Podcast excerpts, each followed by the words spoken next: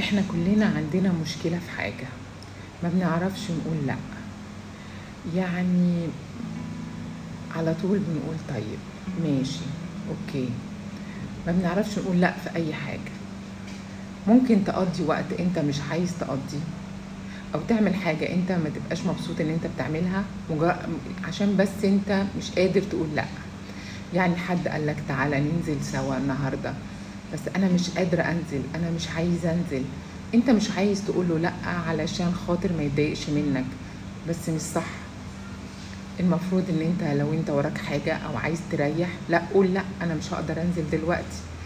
أنت ممكن تقضي وقتك كله في حاجات أنت مش عايز تعملها. بس مجرد إن أنت عايز. إن أنت بتعملها عشان خاطر اللي قدامك ما يتضايقش. لأ إحنا لازم نقف ولازم. نركز في حياتنا.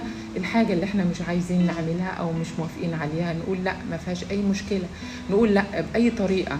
نقول لأ باعتذار خفيف. نقول لأ أنا مش قادرة أنزل. نقول لأ بأي طريقة.